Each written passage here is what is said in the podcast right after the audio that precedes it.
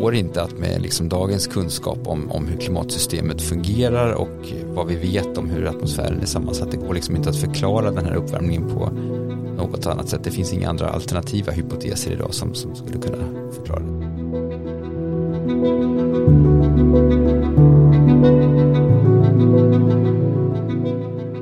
Att vi ska lyssna på klimatforskarna, det får vi ofta höra i samhällsdebatten.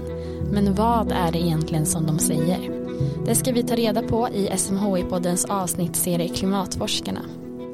Och SMHI har ett av Sveriges största forskningsinstitut för klimatforskning. Och i den här podden så kommer vi gästas av både experter och forskare som jobbar här. Och de kommer berätta för oss om hur världen förändras och vad vi kan göra åt det.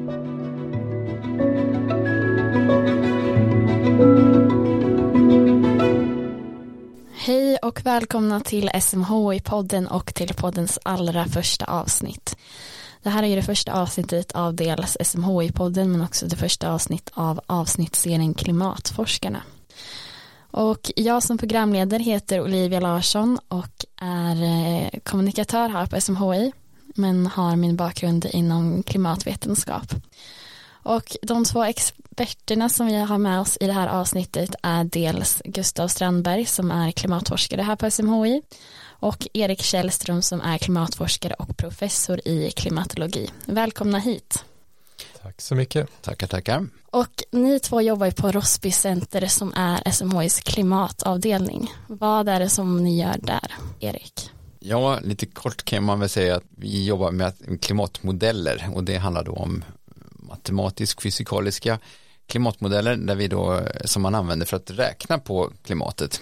Och de fungerar ungefär som en, en väderprognosmodell där man kan räkna från ett visst tillstånd kan man räkna in i framtiden och, och titta på hur vädret kan bli imorgon. Men man kan också köra de här modellerna för väldigt långa tidsperioder och simulera då klimatet över till exempel 100 år eller 150 år eller ännu längre för den delen.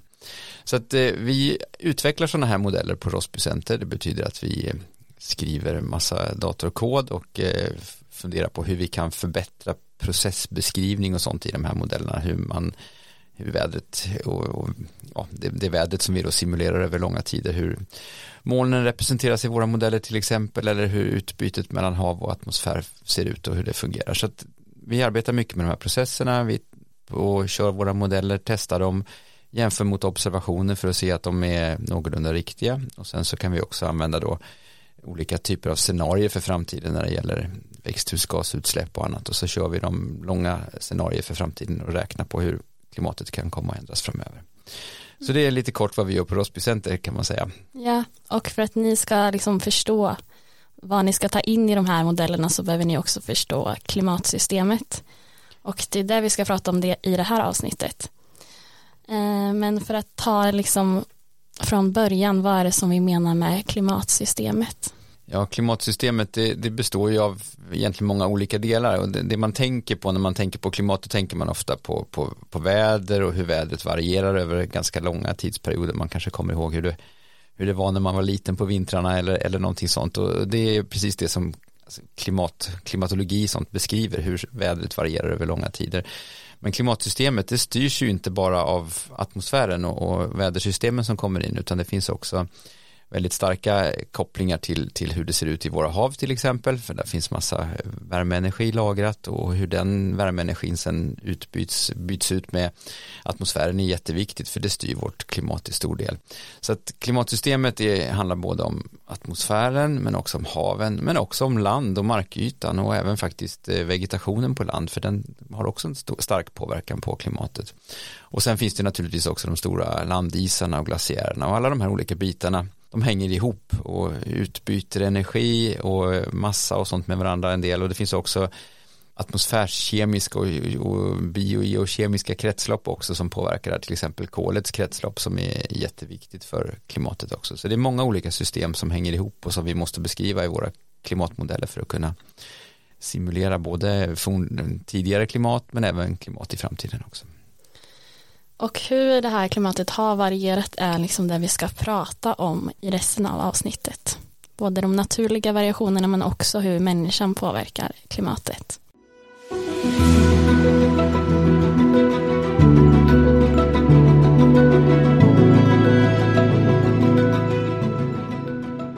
Det här avsnittet ska fungera lite som en tidsresa genom jordens klimathistoria. Och jorden har ju en jättelång historia, den är 4,6 miljarder år gammal, men vi ska inte prata om all den tiden. Men det vi ska prata om är hur klimatet har varierat på olika tidsskalor. Och vi tänkte börja med en jättelång tidsskala som är flera hundratals miljontals år. Erik.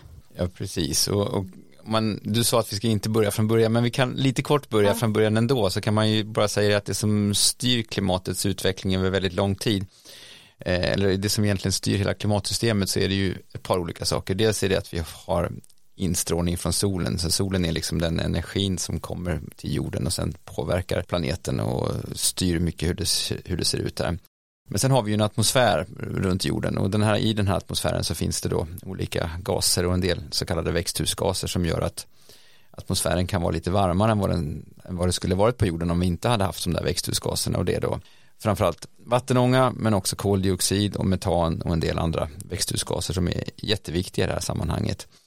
Och alla de här sakerna har varierat på väldigt långa tidsskalor. Om man går ända tillbaka till, till jordens, eller till, till början då för 4,6 miljarder år sedan, då var solen, den, den, den sken inte lika starkt på den tiden, så den har blivit starkare med tid. Så att där är en sak som har förändrats, så den har blivit någonstans mellan kanske 20 och 25 procent starkare i sin utstrålning under den här väldigt långa tidsperioden.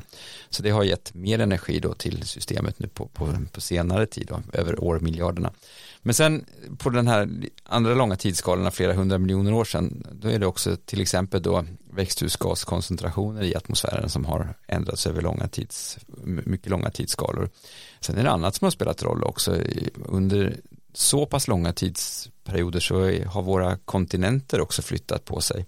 Det finns ju en kontinentaldrift och någonting man kallar för platt tektonik då, där, där de här stora kontinentalplattorna faktiskt flyttar på sig på jorden. Så att ibland har Eh, idag ser ju kartan ut som alla vet, men tidigare under jordens historia har alla kontinenterna varit mer eller mindre samlade på ett ställe som en jättestor kontinent ungefär vid ekvatorn och, och det, sånt där spelar också stor roll för klimatet och hur det, hur det ser ut och för fördelningen mellan land och hav är jätteviktigt för vårt klimat till exempel. Ja, det kan man ju kolla på liksom hur eh, kontinenterna är placerade idag, att man vet ju att det är torrare i stora kontinenter liksom, i, inne i Ryssland. Eller? Ja, lite grann och det där beror på den, egentligen den storskaliga cirkulationen i atmosfären men sen är det klart också att, att de fuktighetsflöden och den nederbörd som, som, som eh, vi har på olika ställen den, den spelar jättestor roll också. Då, då beror det klart på hur, hur det ser ut inne på kontinenten i förhållande till var fukten kommer ifrån, huvudsakligen från haven och sen hur de här luftströmmarna ser ut, var det regnar ur någonstans och sen kan det till exempel vara nederbörds skugga eller väldigt torrt inne på en del kontinenter också. Men det finns ett samverkan där naturligtvis mellan kontinenter och, och hav och eh, var de här kontinenterna befinner sig precis men också hur den storskaliga cirkulationen i atmosfären ser ut. Mm. Men en eh, spännande teori som jag tänker att vi skulle kunna komma in på när vi är så här långt tillbaka i historien är Snowball Earth, alltså en eh, en teori om att hela jorden i princip var täckt av snö och is och såg ut som en enda stor snöboll. Hade det här någonting med att göra med hur kontinenternas placering på jorden såg ut eller var, varför blev det så här kallt? Ja, det är en, en hypotes man har. Jorden har antagligen varit nästan helt nedisad, kanske till och med flera gånger, men, men eh, vid ett av de här tillfällena för många hundra miljoner år sedan, då, då vet man att eh, kontinenterna låg som sagt var i en, i, som en stor, en, en, enda stor superkontinent. Och den låg ganska, eh, på, på ganska låga latituder nära ekvatorn. Och det betyder då att i den här kontinenten som låg eh, centralt eller ja, nära ekvatorn så fanns det ju bergskedjor och ganska mycket höga stora bergsmassiv. Och i bergsmassiv där man är på hög höjd där uppe kan det bli ganska kallt. Det betyder att då fanns det förutsättningar för att börja bygga upp glaciärer och stora inlandsisar nära ekvatorn faktiskt till och med under den tiden. Sen när man då får inlandsisar och snötäckta förhållanden så eh, reflekterar det solljus väldigt effektivt och, och, jordens reflektivitet eller det som vi kallar för albedo det, det blir då eh, högre och det betyder att mer av den solstrålning som kommer in mot jorden reflekteras tillbaka ut mot rymden igen och det leder då till att det kan bli en förstärkt uppvärmning så att säga. Så att, eh, under den där perioden så tror man att det började då med att det växte till stora glaciärer, inlandsisar, eh, nära ekvatorn på hög höjd som sen kunde breda ut sig och man spekulerar då i att jorden var i princip nästan helt istäckt och även, även haven då med stora områden med, alltså med havsis över, över i princip hela, hela jordklotet. Så det, det, är väldigt spännande mm. tid på jorden och man kan fundera lite grann på hur det såg ut då med, med liv på jorden för det fanns ju faktiskt liv på jorden även då och hur det kunde så att säga fortsätta och om det verkligen var istäckt exakt på hela jorden eller inte det, det, det vet vi inte riktigt. Nej, det är en väldigt spännande tanke att tänka att allting var täckt av snö och is. Men om man däremot ser på en varmare period, finns det något sånt exempel som du kan ta en väldigt varm period i jordens historia? Ja, det finns en, ett som jag tänker på speciellt, det, det var en, en väldigt varm period för någonstans mellan ja, 50 och 55 miljoner år sedan ungefär. Man hade ett, ett, ett, ett, ett värmeoptimum om man vill då på den tiden och då, då var det väsentligt varmare än idag. Det var, det var, det var, det var kanske 5-10 grader varmare än, än, vad det är idag i medeltal över, över hela jorden. Det finns ju inga exakta mätningar men man kan ju ungefär rekonstruera hur det har varit med tanke på den vegetation och sånt som fanns då. Eh, och så kan man räkna på det också med hjälp av klimatmodeller och de koncentrationerna av koldioxid till exempel och sånt som man tror fanns på den tiden. Eh, och det var just en period som var präglat av väldigt höga koncentrationer av växthusgaser i atmosfären, både koldioxid men också metan inte minst och det är en jätteviktig och väldigt Eh, Eh, kraftfull växthusgas också. Och det man tror hände där var att när det började bli varmt så frigjordes väldigt mycket metan från olika eh, ja, våtmarker och, och områden då där det finns mycket metan normalt sett. Det kallas ju för sumpgas också så den kommer ut från träskmarker och våtmarker i, kan, kan komma ut i väldigt stora mängder till atmosfären och då fick man en väldigt förstärkt växthuseffekt och mycket, mycket varmt klimat. Så att eh, om man tittar på det tillbaka så har jorden alltså ibland varit väldigt varm, väldigt mycket varmare än idag och ibland varit väldigt mycket kall, kallare än idag också. Så att det finns alltså stora, ganska, ganska stora variationer och möjliga klimat som jorden kan befinna sig i så att säga. Mm. Och det är en väldigt, väldigt lång tidsperiod som vi pratar om också. Absolut, och nu pratade vi om många hundra miljoner år eller kanske för 50 miljoner år sedan och sen efter det här värmeoptimet då för 50-55 miljoner år sedan så har jorden då gradvis blivit kallare i takt med att koldioxiden har tagits upp och lagrats in i sediment. Då har temperaturerna sjunkit och eh, ja, fram till den mer moderna tiden med omväxlande istider och mellanistider. Ja, och den kommer vi faktiskt till nu. Eh, nu ska vi hoppa framåt lite i tiden och prata om eh, klimathistorien de senaste hundratusen åren. Och det är ju en period som har eh, varierat ganska regelbundet mellan istider och värmeperioder. Och varför har det skett, Gustav? Erik var inne på att det är ytterst är solen som eh, ger energin till jorden. Och eh, det är liksom det som förklarar det även här då. Så att förhållandet mellan jorden och solen är inte konstant. Utan eh, ibland är solen lite närmare jorden och alltså jordens bana omkring solen ändrar form också lite grann. Så att eh, det betyder att vi får lite olika mycket solstrålning. Och dessutom då så ändrar jordaxelns lutning sig lite grann och var eller hur jordaxeln lutar på den här banan runt solen det varierar också.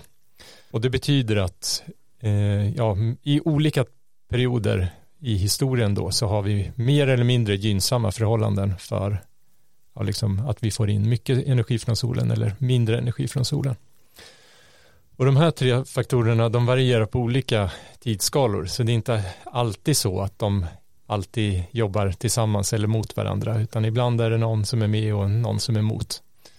Så det här blir liksom en eh, ja, komplicerad dans eh, kan man säga då. Men eh, det som man till slut kan se är att ja, med ungefär en period på hundratusen år så kommer det nya kalla eller varma perioder. Och det är liksom för att jordens omloppsbana då ser ut på ett sätt och, och lutningen på jorden och den här wobblingseffekten ser ut på ett sätt så att det gynnar eh, bildningen av nya glaciärer. Det som eh, typiskt händer och eh, man brukar titta på um, instrålningen på norra halvklotet mm. ungefär ja, på 60 grader nord. Så det är ju ja, i Stockholm ungefär kan man säga. Eh, och det som typiskt händer då är att eh, man får lite mindre instrålning på sommaren. Det gör att mindre av isen och snön som ligger kvar sedan vintern smälter bort, vilket gör att nästa vinter så byggs det på lite grann. Och sen har man ännu en kall sommar och då liksom byggs det på ännu lite mer. Eh, och nu eftersom vi, ja, vi pratar ju här om långa förlopp så att eh, det kan hin även om det inte händer så mycket på ett år så kan det hända ganska mycket på tusen somrar.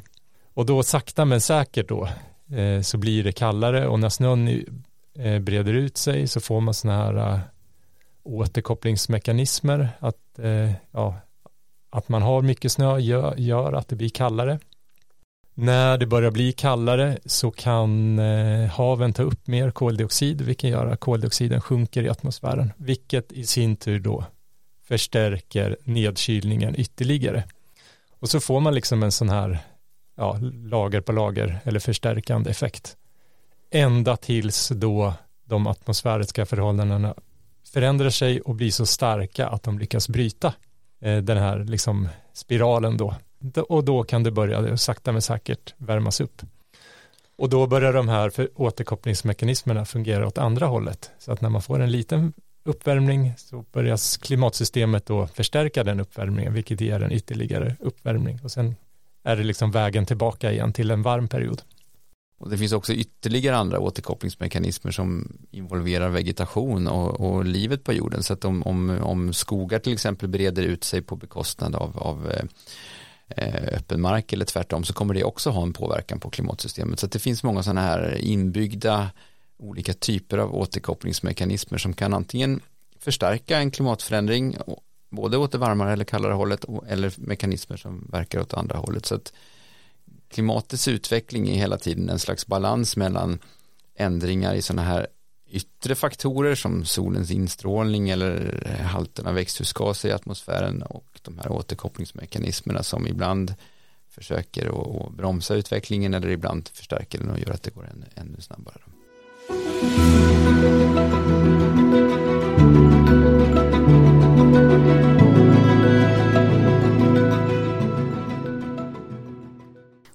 Vi ska nu fortsätta att prata om den senaste istiden, för det är den som ni har gjort simuleringar av.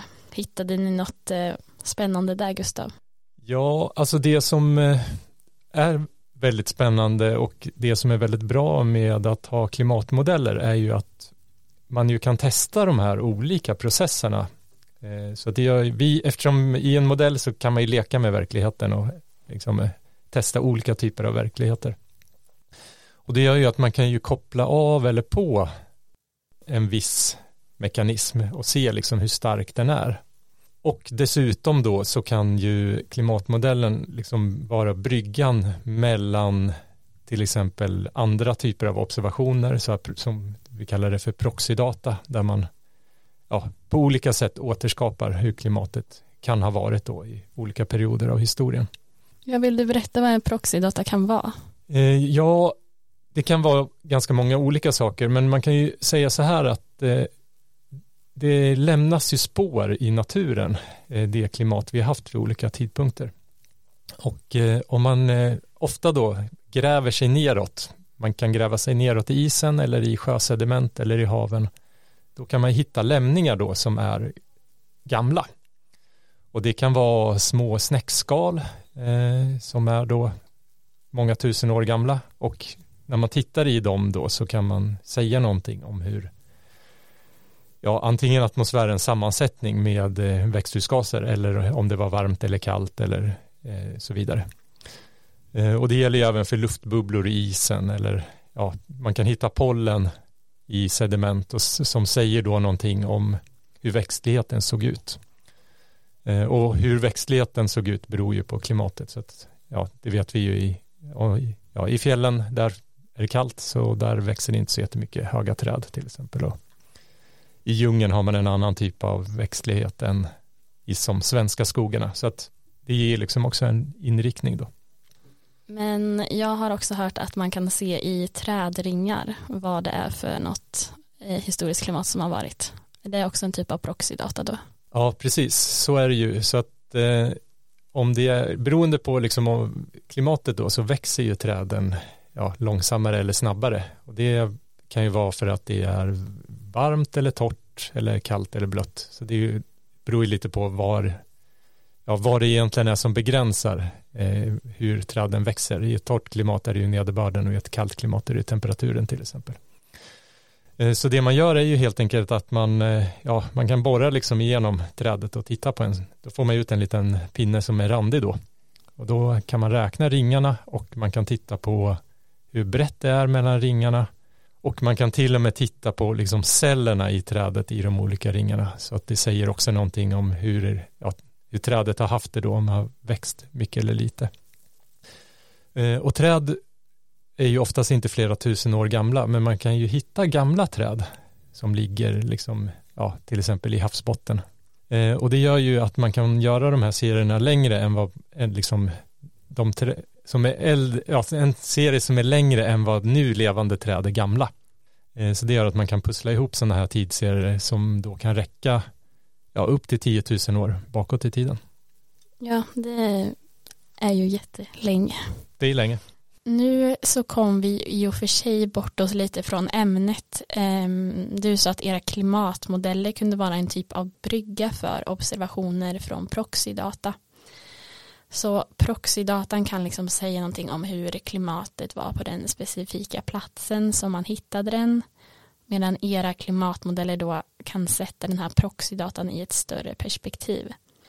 Men eh, du kanske vill komma tillbaka till det och berätta lite vad de här simuleringarna eh, som ni gjorde, vad, vad det var för någonting. Vi tittade på två eh, kalla klimat som representerade ungefär eh, ja, 44 000 år sedan och 21 000 år sedan. Eh, och den eh, som var längst bort i tiden, där var det kallt men inte så jättemycket is. Eh, så då har man djup permafrost. Och den perioden som var för 21 000 år sedan, det var ju när den senaste istiden kulminerade. Och då hade vi ju en inlandsis som täckte hela Skandinavien och var ett par tusen meter tjock. Och vi vet ju då att det var kallt naturligtvis, men det är också intressant att se för att landskapet såg ju helt annorlunda ut så att vi hade ett jättehögt berg som täckte hela Skandinavien. Det gör ju liksom att atmosfärens ja, liksom strömning ändrar sig. Och eftersom det ligger så mycket vatten som är fruset på land så gör det att eh, havsnivån är lägre, ja, drygt 100 meter lägre än vad den är idag. Eh, så det påverkar ju också hur liksom, ja, det lokala klimatet eller regionala klimatet över Europa då som var där vi tittade på. Eh, och då kan man ju liksom eh, experimentera med så här partiklar i atmosfären eller eh, ja, man kan ta bort istäcket och säga att om vi bara hade en berg som var så här men inte att det var is eller ja, så. Eller hur stor växtlighetens betydelse är för det klimat man får fram. Kul. Ja, det är jättekul. och det ger ju oss en chans att förstå klimatsystemet bättre och mm. lära oss mer om hur det fungerar. Och det är ju liksom en av nycklarna här för att när vi sen ska prata om framtidens klimat och säga att så här tror vi att det blir så har ju vi en större självsäkerhet när vi pratar om det när våra klimatmodeller klarar av att simulera många olika typer av klimat. Det var egentligen min andra fråga, att jag tänkte fråga dig vad, varför man forskar egentligen bakåt i tiden på klimatet när vi har en så stor klimatutmaning framför oss. Ja, och här kan man säga att det finns ju flera olika svar. Ett är ju att det är ett sätt att testa modellerna och lära oss mer för att bli bättre att säga någonting om framtiden. Men sen kan man ju också säga så här att det finns ju ett värde i att förstå även historien eller förhistorien så att man måste inte motivera det med samhällsutmaningar som vi har just nu kanske. Eh, och sen kan vi ju lägga till att just det här projektet hade ju en eh, väldigt specifik användning också för att eh, det var finansierat av SKB, alltså Svensk kärnbränslehantering.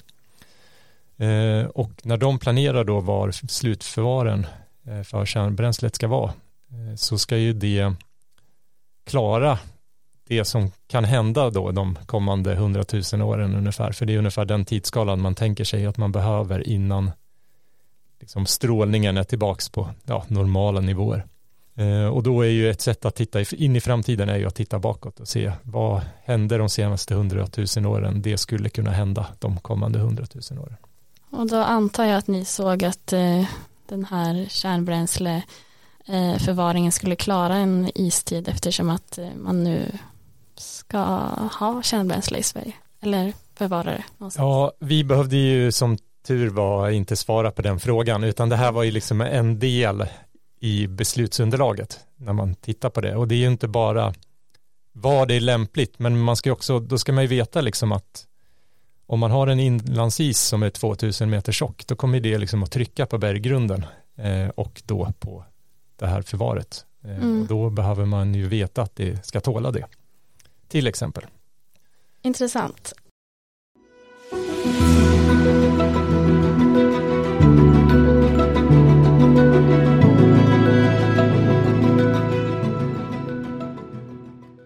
Nu har vi kommit lite närmare vår tid. Vi är framme vid Holocen som är den geologiska tidsperiod som tog vid efter den senaste istiden. Och under den här perioden så började människan att bli allt mer lik vad vi känner den. Ehm, man började exempelvis att odla och man blev många fler. Och något som beskrivs som en förutsättning för det här är det stabila klimatet som karaktäriserade Holocen. Men såklart så fanns det även förändringar under den här perioden. Och de har ni kollat på. Ni har simulerat de senaste tusen åren, eller tusentals åren. Eh, vill du berätta om det, Erik? Ja, vi har kört eh, våra modeller för ett par olika tids, kortare tidsfönster under, under Holocen. Och Holocen som du säger, det är ju senaste ja, egentligen, man brukar ofta prata om ungefär senaste 10 000 åren kanske någonting. Och klimatet har då varit förhållandevis stabilt, men det har inte varit exakt samma hela tiden, utan man har haft förändringar även under den tiden. Och till exempel så hade man större instrålning från solen på grund av de här astronomiska förhållandena som Gustav pratade om innan i början av Holocen jämfört med vad man haft tidigare. Så det betyder att somrarna till exempel uppe i Nordeuropa har varit faktiskt varmare under perioder här och sen har de blivit kallare. Så att eh, vi tittade då på ett tidsfönster någonstans kring ungefär 6000 år sedan och där brukar man prata om att det var ju det har ju varit varmare under Holocen, det vet vi och vi, vi, man brukar prata om att det till exempel under delar av bronsåldern var varmt här uppe i, i Nordeuropa också. Så att där har vi valt en period där man har haft ganska stark instrålning på sommaren och ett relativt varmt klimat. Och sen har vi också tittat på en senare period under Holocen som var för ungefär 2 500 år sedan. Och sen har vi dessutom också simulerat faktiskt de senaste tusen åren, hela, hela den perioden också. Så vi har gjort ett par stycken nedslag under den här underhåll och scen med lite olika klimat och lite olika förhållanden. Ehm, en period som några lyssnare kanske har hört talas om är den medeltida värmeperioden. Det var alltså en eh, tidsperiod när exempelvis vikingar kunde, eller de tog sig till Grönland och så kunde de odla spannmål där i, i en begränsad utsträckning men ändå det var, det var liksom möjligt. Så vad var det för speciellt med den här tidsperioden, varför var den så varm?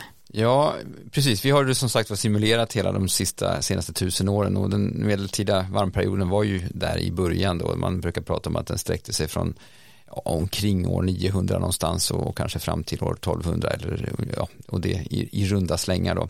Och att jag säger så det är också för att det där var inte en, en väldefinierad period på hela jordklotet att just de 300 åren var varmare än, än någonting annat men det var en period när det fanns, eh, när det var varmt på en hel del håll och till exempel Nordeuropa men även upp mot Grönland och Island och det, där kommer vi in då på det här med, med tidiga nordbor och vikingar som, som reste västerut och koloniserade Grönland till och med under den här tiden då. Och det var för att det var just varmt un, under de perioderna. Men det här var inte en global värmebölja på det sättet utan det var ganska regionalt och det var fokus just kring Nordatlanten under, under den perioden, även på ett en del andra ställen på jorden. Samtidigt så var det faktiskt kallare än, än eh, i andra delar av, eh, ja, på andra delar på jordklotet också, till exempel i delar av Stilla, hav, Stilla havet. Så att eh, den medeltida varmperioden har definitivt funnits där, men har varit en ganska regional företeelse. Och eh, mycket av det där de här förändringarna på den, den typen av regionala förändringar, det där, det där är någonting som finns och, som någon slags intern dynamisk variabilitet i systemet. Ibland är det lite varmare, ibland är det lite kallare. och Det är precis som om man jämför ett år med nästa som vi själva kan tänka på. Ena vintern så är det milt och det är slask i, här hemma hela vintern. Nästa vinter så är det snö och betydligt kallare. Och där har man ju då den typen av variabilitet från ett år till nästa. Men det kan också vara så att man har lite längre perioder som ibland är varmare och det kan till och med sträcka sig över flera decennier eller kanske till och med århundrade ibland att det faktiskt är varmare eller kallare. Eller blötare eller torrare för den delen också. Och den typen av processer har vi hela tiden i klimatet, klimatsystemet också. Vill du berätta mer om vad någon av de processerna kan vara? Alltså jag tänker att många har hört talas om typ El Niño och eh, La Niña. De är väl typer av den. Ja, precis. Och, det är väl kanske det mest eh, typiska exemplet och det är någonting som vi faktiskt märker av ganska tydligt nu och, just det fenomenet då med El Niño som är ett, ett ett fenomen då det är över stora områden i centrala Stilla havet är betydligt varmare ytvatten än vad det eh, är under andra år. Man har alltså en, en, en varm avvikelse, en varm anomali över ett jättestort område på, eh, över Stilla havet. Och det där är så stort det området så att det påverkar till och med det globala medelvärdet ett sånt år. Så att när man har väldigt varma förhållanden i ytvatten i Stilla havet då får man ett högre en högre global medeltemperatur sådana år. Och sådana år sticker verkligen ut om vi tittar på våra kurvor över hur den globala medeltemperaturen ökar som den gör nu. Sådana år får man extra höga pikar då. La Nina det är precis tvärtom. Då är det kallt i det området istället och då får man en, en tillfällig liksom lite lindring av den här pågående uppvärmningen som vi, som vi ser idag. Så att sådana år är det, är det lite kallare. Och det påverkar inte, det är inte bara temperaturen just över Stilla havet som påverkas utan det där får stor påverkan även för regionala nederbördsmönster. Det påverkar den atmosfäriska cirkulationen och leder till mer eller mindre nederbörd på olika håll, till exempel i Australien och Sydamerika framför allt. Då. En annan sak som vi också kan komma in på eh, som skulle kunna påverka jordens klimat och den här tiden är ju faktiskt människan för att jag sa ju att det var eller vi vet ju att moderna människan levde ju under den här tiden och de hade ju små samhällen och sånt kunde de påverka klimatet redan då Gustav? Det finns ju tecken på att människan började påverka klimatet redan kanske för 6-7 tusen år sedan.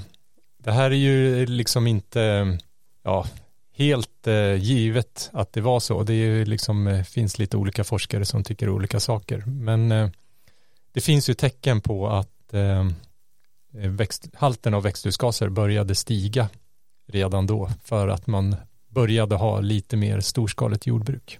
Eh, och eh, i Europa så har ju vi tittat på i en del körningar hur eh, människan har påverkat växtligheten Eh, med start då 6000 år sedan. Eh, för att man börjar ju när liksom samhällena blir lite större så kanske man fäller skog för att odla eller man öppnar upp i skogen för att det ska vara lättare att jaga. Och det kan ju vara bara att man bränner eller så. Men i alla fall så börjar ju landskapet eh, öppna upp sig lite grann.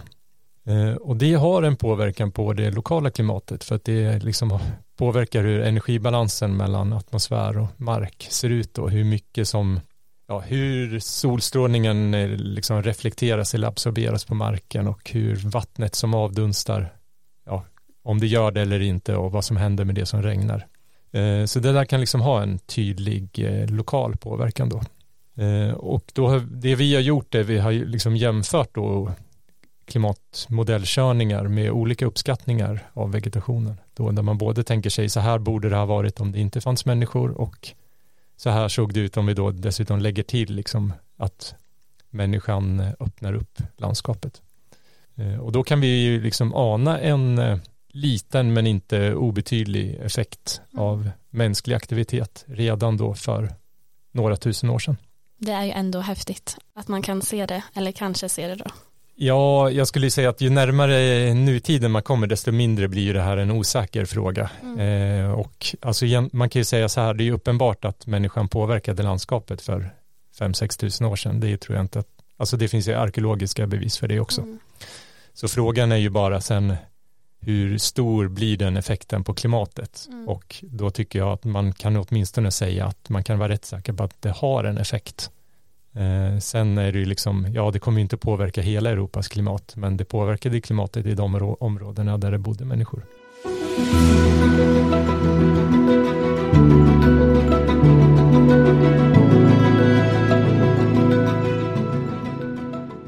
Och eh, nu är vi framme vid det senaste århundradet och eh, tiden efter industrialiseringen. Så vi ska fortsätta att prata om människans påverkan på klimatet. Och vi har ju fortsatt att eh, påverka klimatet på samma sätt som vi gjorde för 6000 år sedan. Alltså vi har förändrat landskapet. Men vi har också börjat använda fossil energi som också påverkar klimatet. Men ändå på ett sekel, hur kan människans påverkan ha blivit så stor, Erik? Ja, det är ju flera saker, precis som du sa och som du och Gustav var inne på nyss här, så det här med, med markanvändningen, vi kan ju bara börja där först, och den har ju fortsatt under, under lång tid och människan, det har ju blivit väldigt, vi har blivit många fler på jorden också, så vi har ju påverkat allt större områden och i, i dagens läge så påverkar vi nästan hela planeten kan man säga, vi har varit där och och grävt och fixat i väldigt, väldigt stora områden, även i skogsområden och annat där man tänker att det är ganska otillgängligt. Så människan är där och påverkar på väldigt många ställen och det kan vara både direkt genom att vi hugger ner eller planterar skog eller, eller gör i ordning så man kan ha åkermark och annat. Men det kan också vara att vi till exempel dikar ur och tar bort gamla våtmarker eller att vi bygger ny infrastruktur, infrastruktur och städer och sånt och det påverkar ju också markytan så att vi har en väldigt, väldigt stor påverkan på, på markytan. Men det där med markanvändningen och det, det, kanske, det är inte det viktigaste utan det allra viktigaste för att varför det har blivit så varmt och så pass mycket varmare det senaste seklet och sen industrialiseringen började så är det ju att vi använder så mycket fossilt kol och vi tar alltså upp kol ur marken och det kan vara i olika form antingen kol, stenkol eller så tar vi upp olja eller gas och sen bränner vi de här produkterna och det betyder att det bildas koldioxid.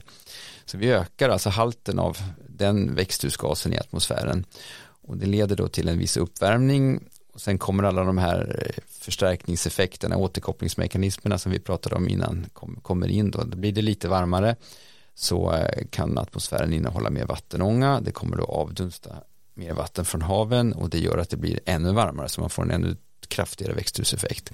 Ja, för vattenånga är också en växthusgas. Ja, och det är den viktigaste växthusgasen vi har för att eh, styra temperaturen på jordklotet. Men då räcker det med att man stör systemet någonstans och då handlar det här om koldioxiden. Vi ökar på värmen lite grann därför att och då får man mer vattenånga i systemet och ännu varmare atmosfär så det är liksom en, eller en förstärkning som finns i det hela. Så allt det här kolet som vi plockar upp det har ju legat då i, i ja, oljefält och, och, gasfält och sånt i många hundra miljoner år sedan det bands in då av vegetation för mycket länge sedan som sen har dött och förmultnat och, och gett upphov till de här stora reserverna av till exempel olja och gas men även, även kol. Och nu bränner vi upp det på en väldigt kort tid här, en geologisk eh, mycket, mycket kort tidsperiod av ett par hundra år. Och det finns då en väldigt stark koppling och, och korrelation som vi säger då mellan hur mycket kol och koldioxid vi har släppt ut sedan industrialiseringens början och hur mycket den globala medeltemperaturen har ökat under den tiden. Så det finns ett väldigt starkt samband. Ja, för att vad händer om ni kör era modeller utan att stoppa in den höjning av koldioxid som kommer från, från förbränningen av eh, fossila bränslen? Ja, då får vi ju ingen, i princip ingen uppvärmning alls från, så att säga, kanske 1800-talets mitt, utan då får man ett, ett konstant klimat som då är väsentligt kallare idag än, än det som vi faktiskt ser. Så att eh, det går inte att med liksom dagens kunskap om, om hur klimatsystemet fungerar och vad vi vet om hur atmosfären är sammansatt, det går liksom inte att förklara den här uppvärmningen på något annat sätt. Det finns inga andra alternativa hypoteser idag som, som skulle kunna förklara det. Så att, men med stoppar vi in koldioxiden och de växthusgaserna och de förändringar vi känner till där men även annat som partikelhalt och sånt i atmosfären så om vi stoppar in allt det vi känner till om systemet då, då kan våra modeller på ett bra sätt simulera det som har, har hänt så att säga och det, och det är då ett, ja, ett tecken då på att, att den teorin är liksom mer trolig än något annat. Mm. Du kom in lite på partikelhalt. Ja, precis. Ja, vi har inte pratat om det så mycket tidigare, men det, men det är ju också så att när vi eldar till exempel olja, eh, eh, då, då släpps det också ut eh, partiklar och det bildas partiklar i atmosfären. Man släpper ut en del gaser till exempel så den mesta eldningsoljan innehåller lite svavel och då bildas det också svaveldioxid när, när man förbränner den här oljan. Och svaveldioxiden är ju en gas men sen i sin tur när den kommer ut i atmosfären kan den bilda sulfat och sulfat kan då ingå i små små partiklar i atmosfären som vi kallar för aerosolpartiklar. Och de där partiklarna, de, för det första är de inte så bra för hälsan. Det, det är någonting som är farligt att andas in och så att det är, vi vet ju hur det ser ut i, i städer med mycket bilar med dålig avgasrening och sånt att där finns det mycket partiklar och annat. Till exempel sådana här sulfatpartiklar men också annat som gör att det är hälsofarligt att vistas där. Men de här partiklarna har också en påverkan på klimatet så att eh, en del partiklar har en reflekterar solljus så att när de kommer ut i atmosfären så bidrar de faktiskt till att lokalt sänka temperaturen lite grann. Och de kan också ingå i moln i molnen och bidra till att ändra molnens egenskaper lite grann. Så att partiklarna har övervägande faktiskt en avkylande effekt. Och den är ganska regional och lokal, där, precis där man släpper ut och i, i, mindre områden, till exempel över Europa eller Nordamerika eller över Kina där man då har stora utsläpp av sådana partiklar. På, I de områdena har det varit en ganska lång period när växthuseffekten och den här förstärkta uppvärmningen som vi ser, den har inte varit så stark som den faktiskt skulle ha varit om partiklarna inte hade funnits där. Och nu för att komma in på det också, när, man, när vi ser hur det ser ut idag, när man har jobbat mycket med att försöka få bort partiklarna eftersom de är hälsofarliga och skadliga för miljön så, så ser vi då en mycket starkare och kraftigare uppvärmning särskilt över Europa men också över Nordamerika sen kanske början på 1990-talet någonting där man, vi, har, vi har fått lite renare luft och det är ju positivt på många sätt och vis men vi ser också en accelererande uppvärmning till följd av det.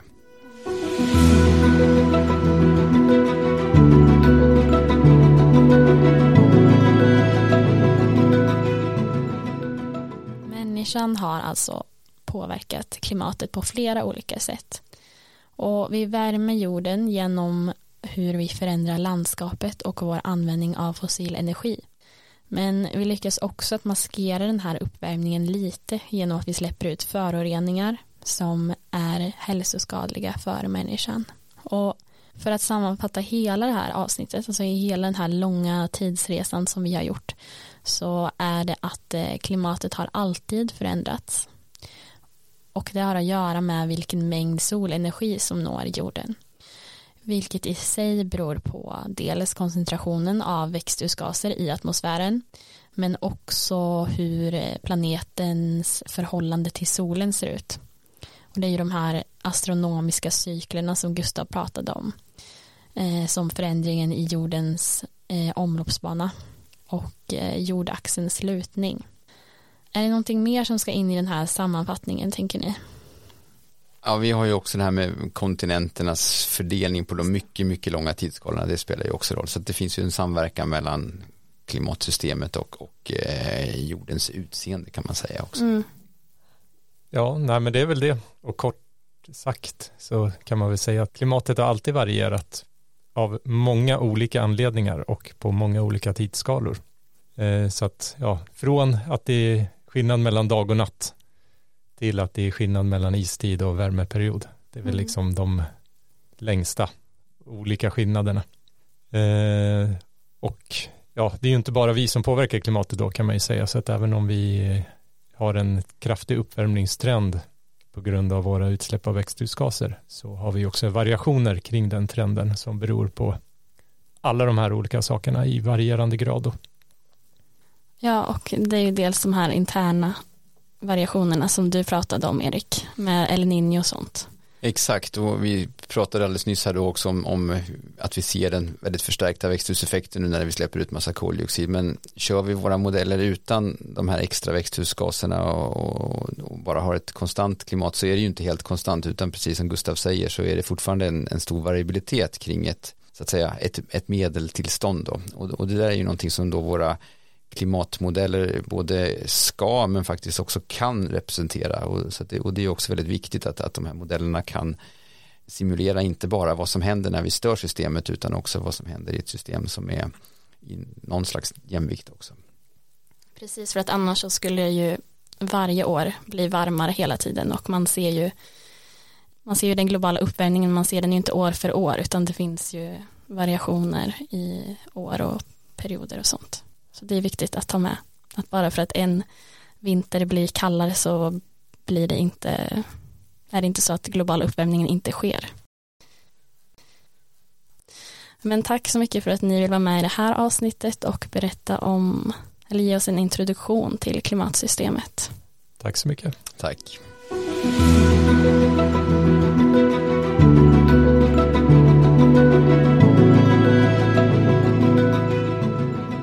Det var alltså Gustav Strandberg, klimatforskare och Erik Källström, professor i klimatologi som ni har hört prata i det här avsnittet. Du har lyssnat på en podd från SMHI, Sveriges meteorologiska och hydrologiska institut.